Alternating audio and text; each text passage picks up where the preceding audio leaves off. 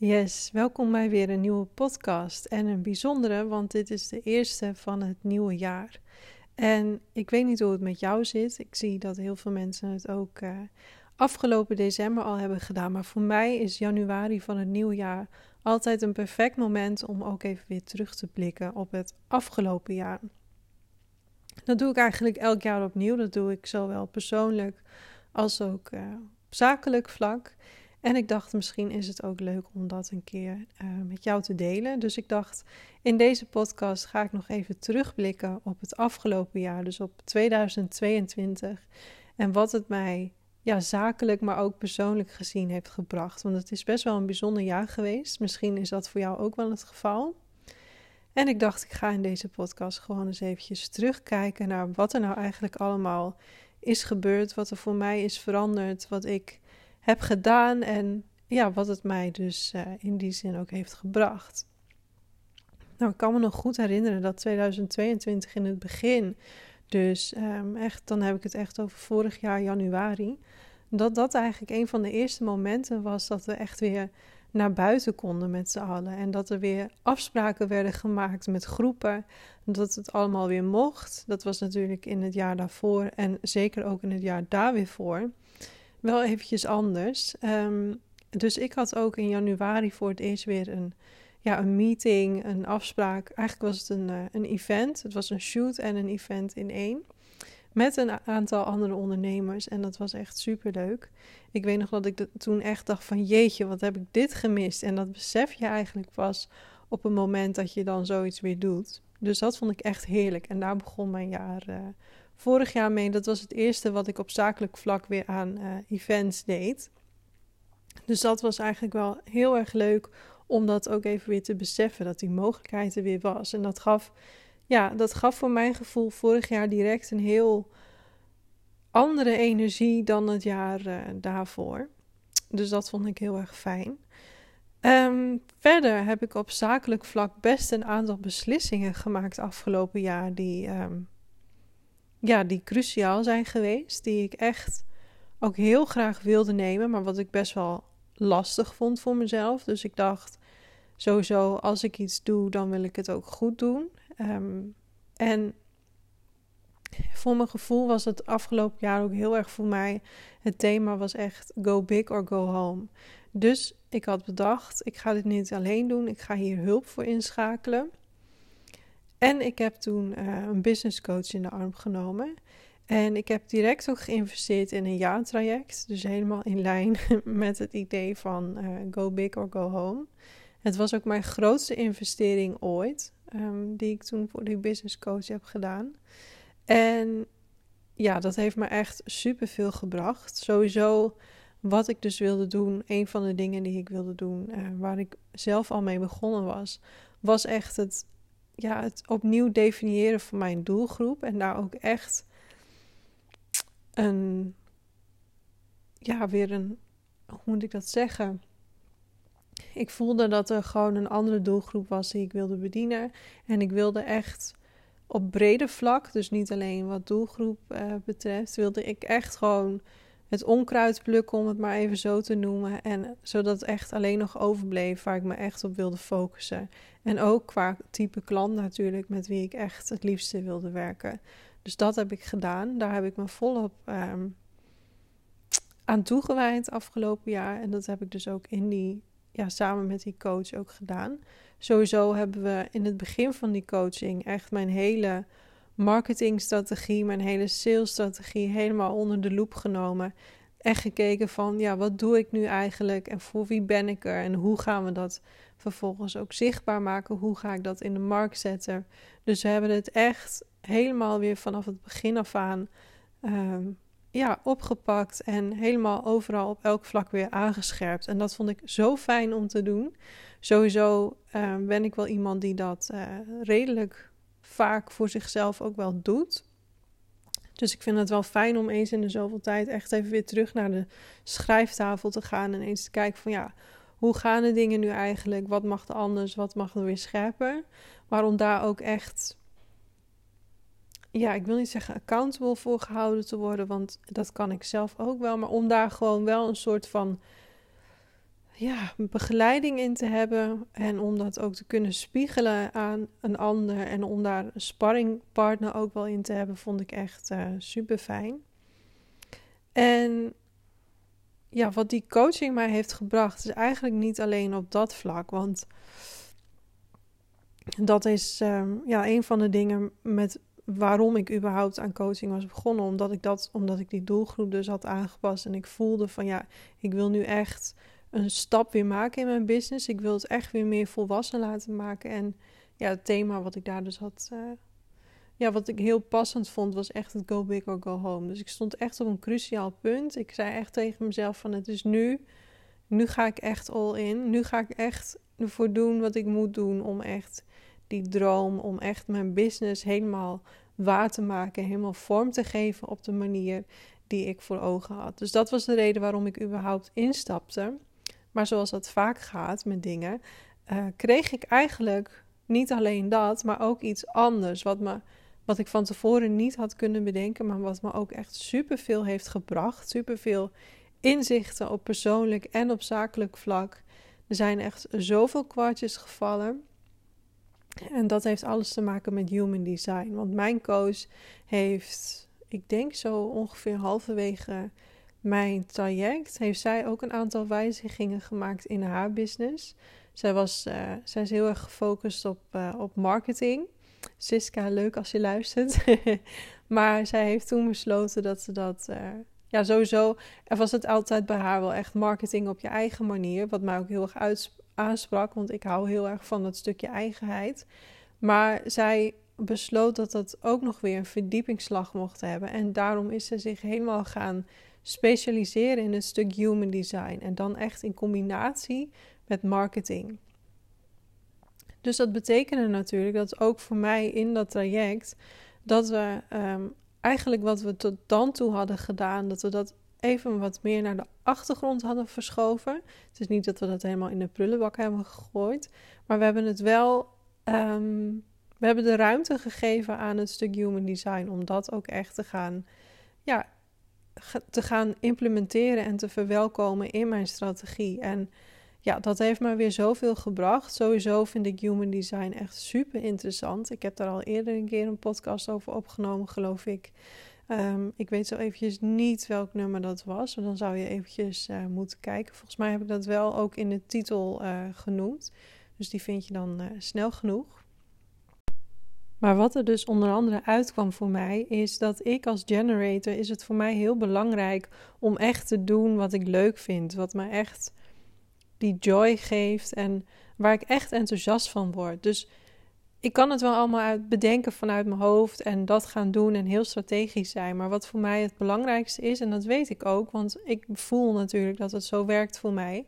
Zonder dat ik überhaupt van human design afwist, wist ik al dat dat voor mij altijd het beste werkte. En dat is als ik gewoon volg, waar ik echt blij van word. Wat me echt pure oprechte enthousiasme geeft. En dat ga ik nu dus nog veel meer doen. En dat zul je het aankomende jaar, dus dit jaar 2023, ook wel gaan merken. Dat ik een aantal dingen anders ga doen. Dat ik iets meer die strategie. Ik wil niet zeggen dat ik het helemaal loslaat. Want aan de andere kant ben ik ook echt wel iemand die houdt van logische en strategische beslissingen nemen. Dus dat, uh, dat, dat blijf ik zeker ook doen. Maar ik wil wel ook echt de ruimte geven aan mezelf om wat meer te gaan spelen, wat meer te gaan experimenteren. Dus dat is heel belangrijk. Ehm, nou, ze heeft mij echt een volledige reading gegeven van mijn hele chart. Dus daar zie je niet alleen in wat voor type je bent, maar dat gaat ook nog veel dieper dan dat. En een van de dingen die mij echt is blijven, ja, die me echt is bijgebleven, en daar heb ik het in die vorige podcast ook over. Dus ik zou het nu even kort benoemen, maar als je de lange versie wilt, dan moet je daar even naar luisteren. Maar wat me echt is bijgebleven, is dat er echt uitkwam dat er echt een leidersenergie in mij zit. Dus echt, volgens mij um, noemden ze dat ook een, uh, de army leader of zo. Het is een bepaalde gate, een bepaalde channel, ik weet het niet precies. Maar in elk geval, er zit echt een leidersenergie in mij. En dat heb ik ook altijd wel zo gevoeld. Maar dat heb ik ook een hele tijd wat meer naar de achtergrond geschoven. En dit voelde echt als mijn cue van ja, dit mag nu weer helemaal terugkomen.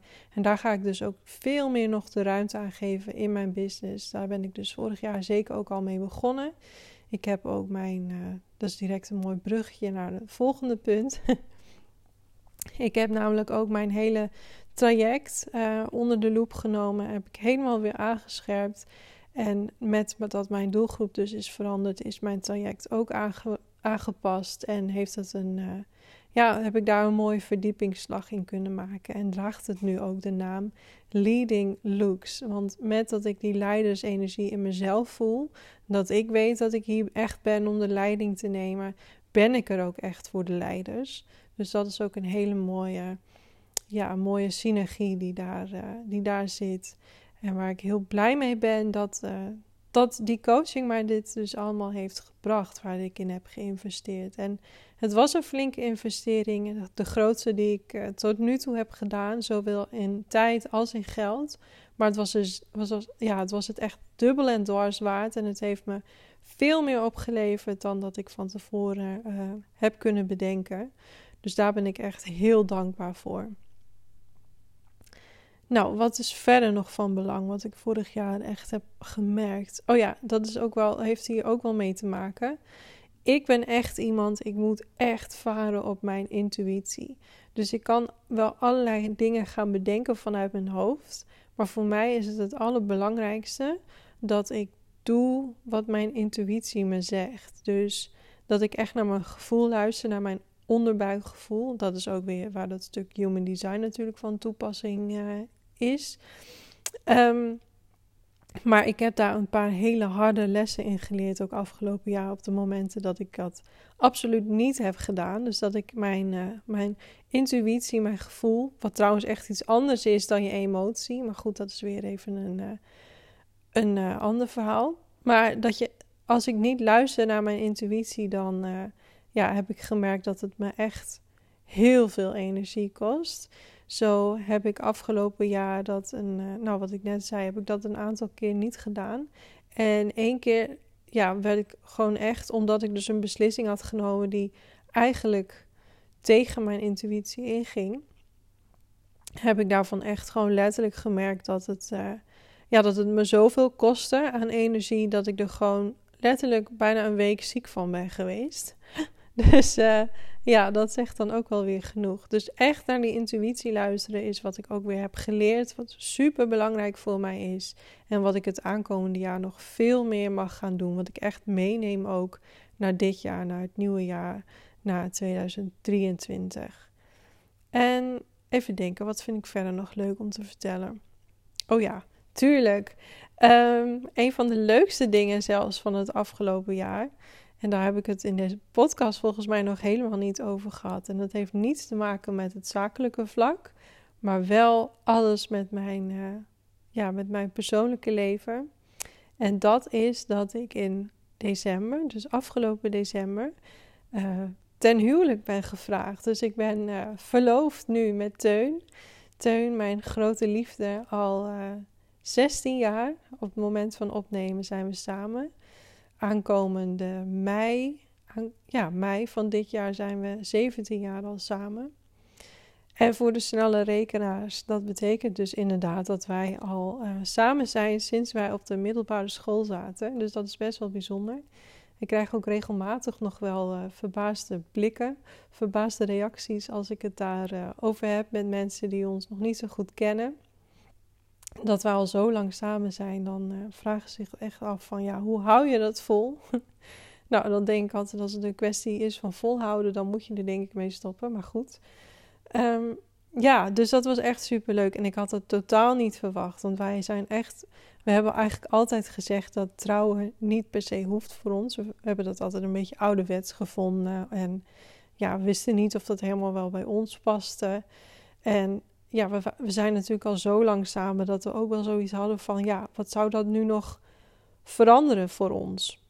Het, het zou niet heel veel meer toevoegen aan onze liefde sowieso. En ja, we, vond, we dachten ook wel een beetje van, ja, dat kost natuurlijk ook geld. En misschien dat we daar liever andere dingen van doen.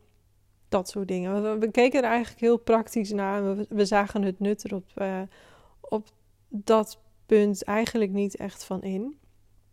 Maar goed, naarmate je wat ouder wordt en de mensen om je heen ook steeds ja, steeds meer gaan trouwen. En er zijn natuurlijk ook dingen die je dan vast wil leggen op een gegeven moment. En dat is één keer geweest, dat is al een aantal jaar geleden. En uh, toen hebben wij, ja, ergens waar wij heel graag komen, was toen een stel dat daar trouwde. En wij wisten helemaal niet dat dat kon, maar we vonden dat zo fantastisch om te zien. We waren er helemaal een beetje door uh, onder de indruk.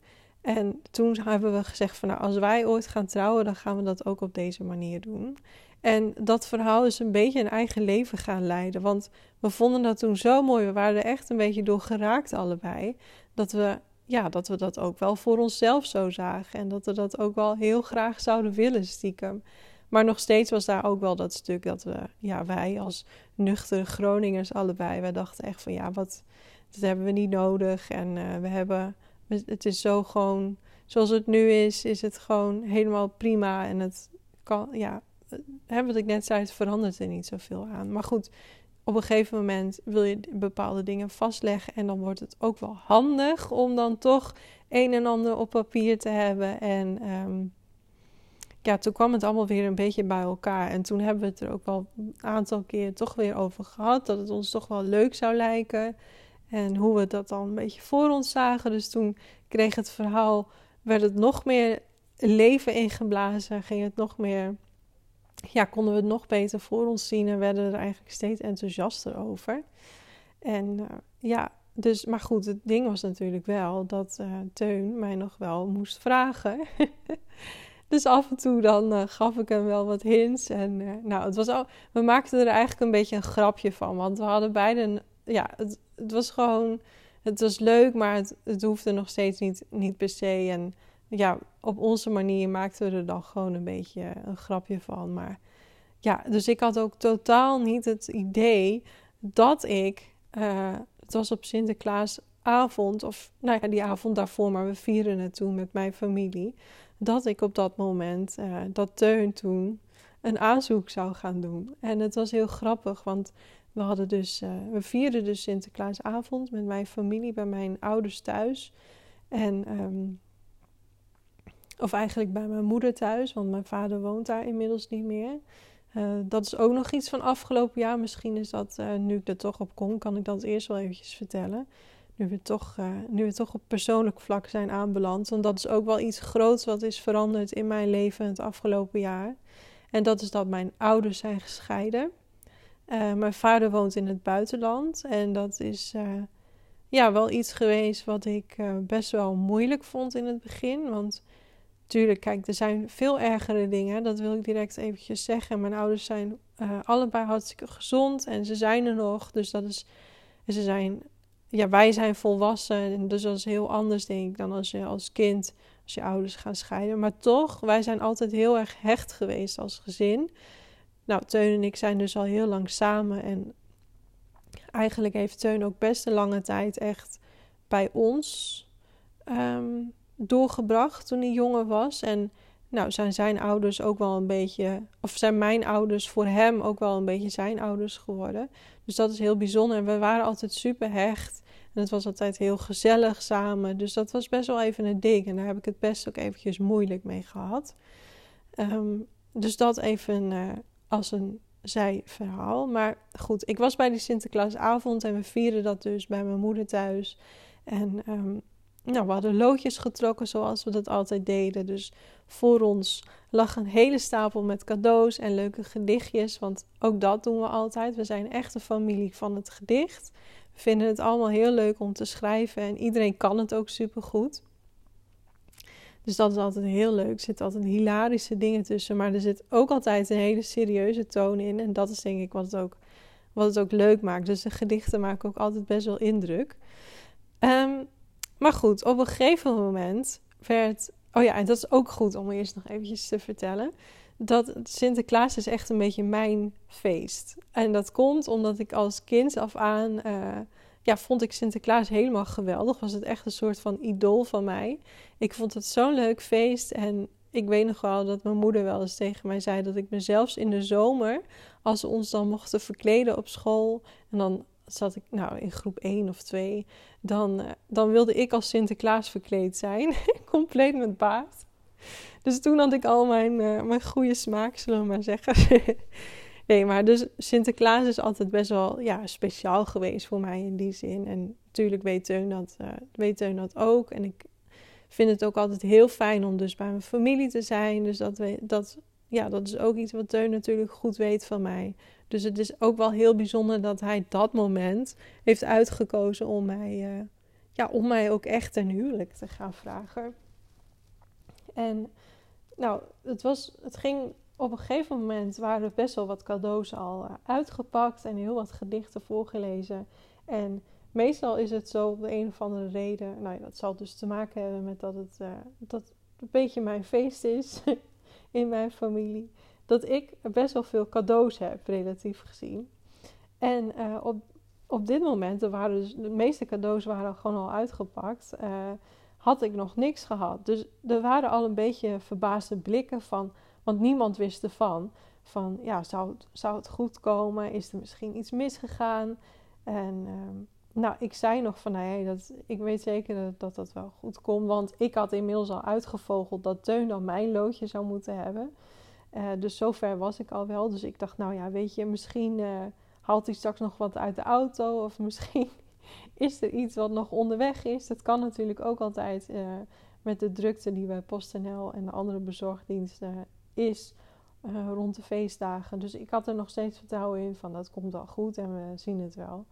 En nou, op een gegeven moment waren dus alle cadeaus weg.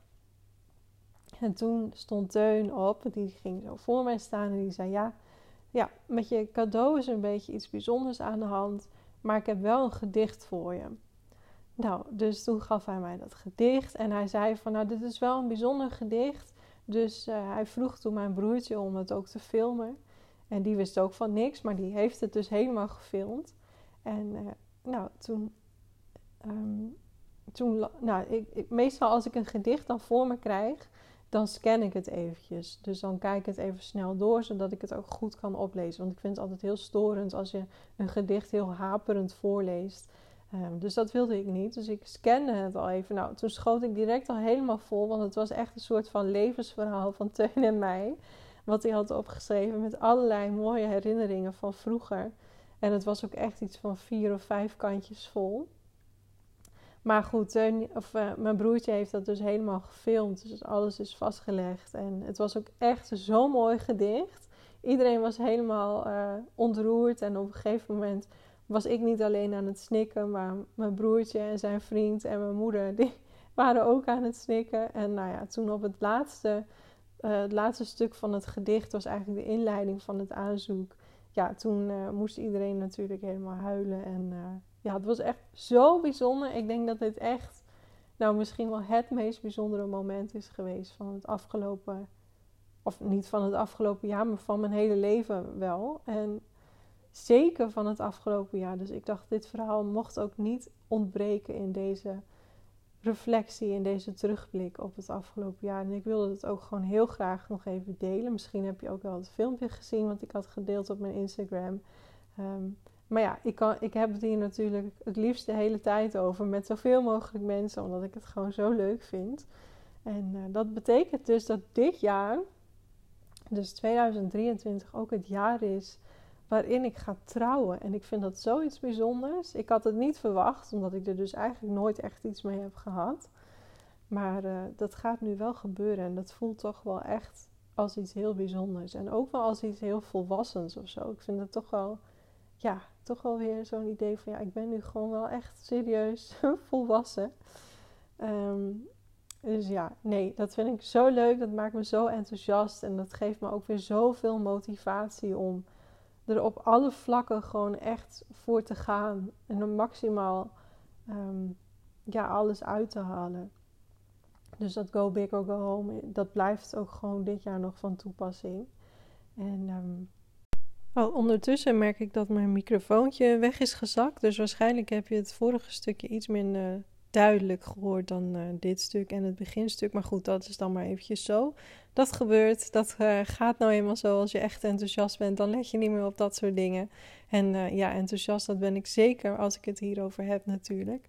maar goed, ik denk dat dit wel de belangrijkste dingen waren van het afgelopen jaar. Waar ik nog eventjes bij stil wilde staan voordat we dit jaar echt volledige focus gaan hebben op wat, uh, ja, op wat dit jaar ons allemaal te brengen heeft.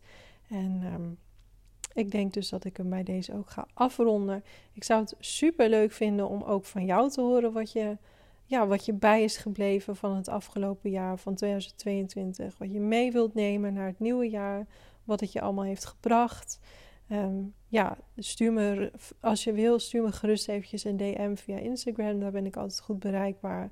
Als je wilt reageren op de podcast of als je nog vragen hebt, zou ik ook leuk vinden om van je te horen. En dan ehm, ja, rond ik hem bij deze af. Dus super bedankt voor het luisteren en graag tot de volgende.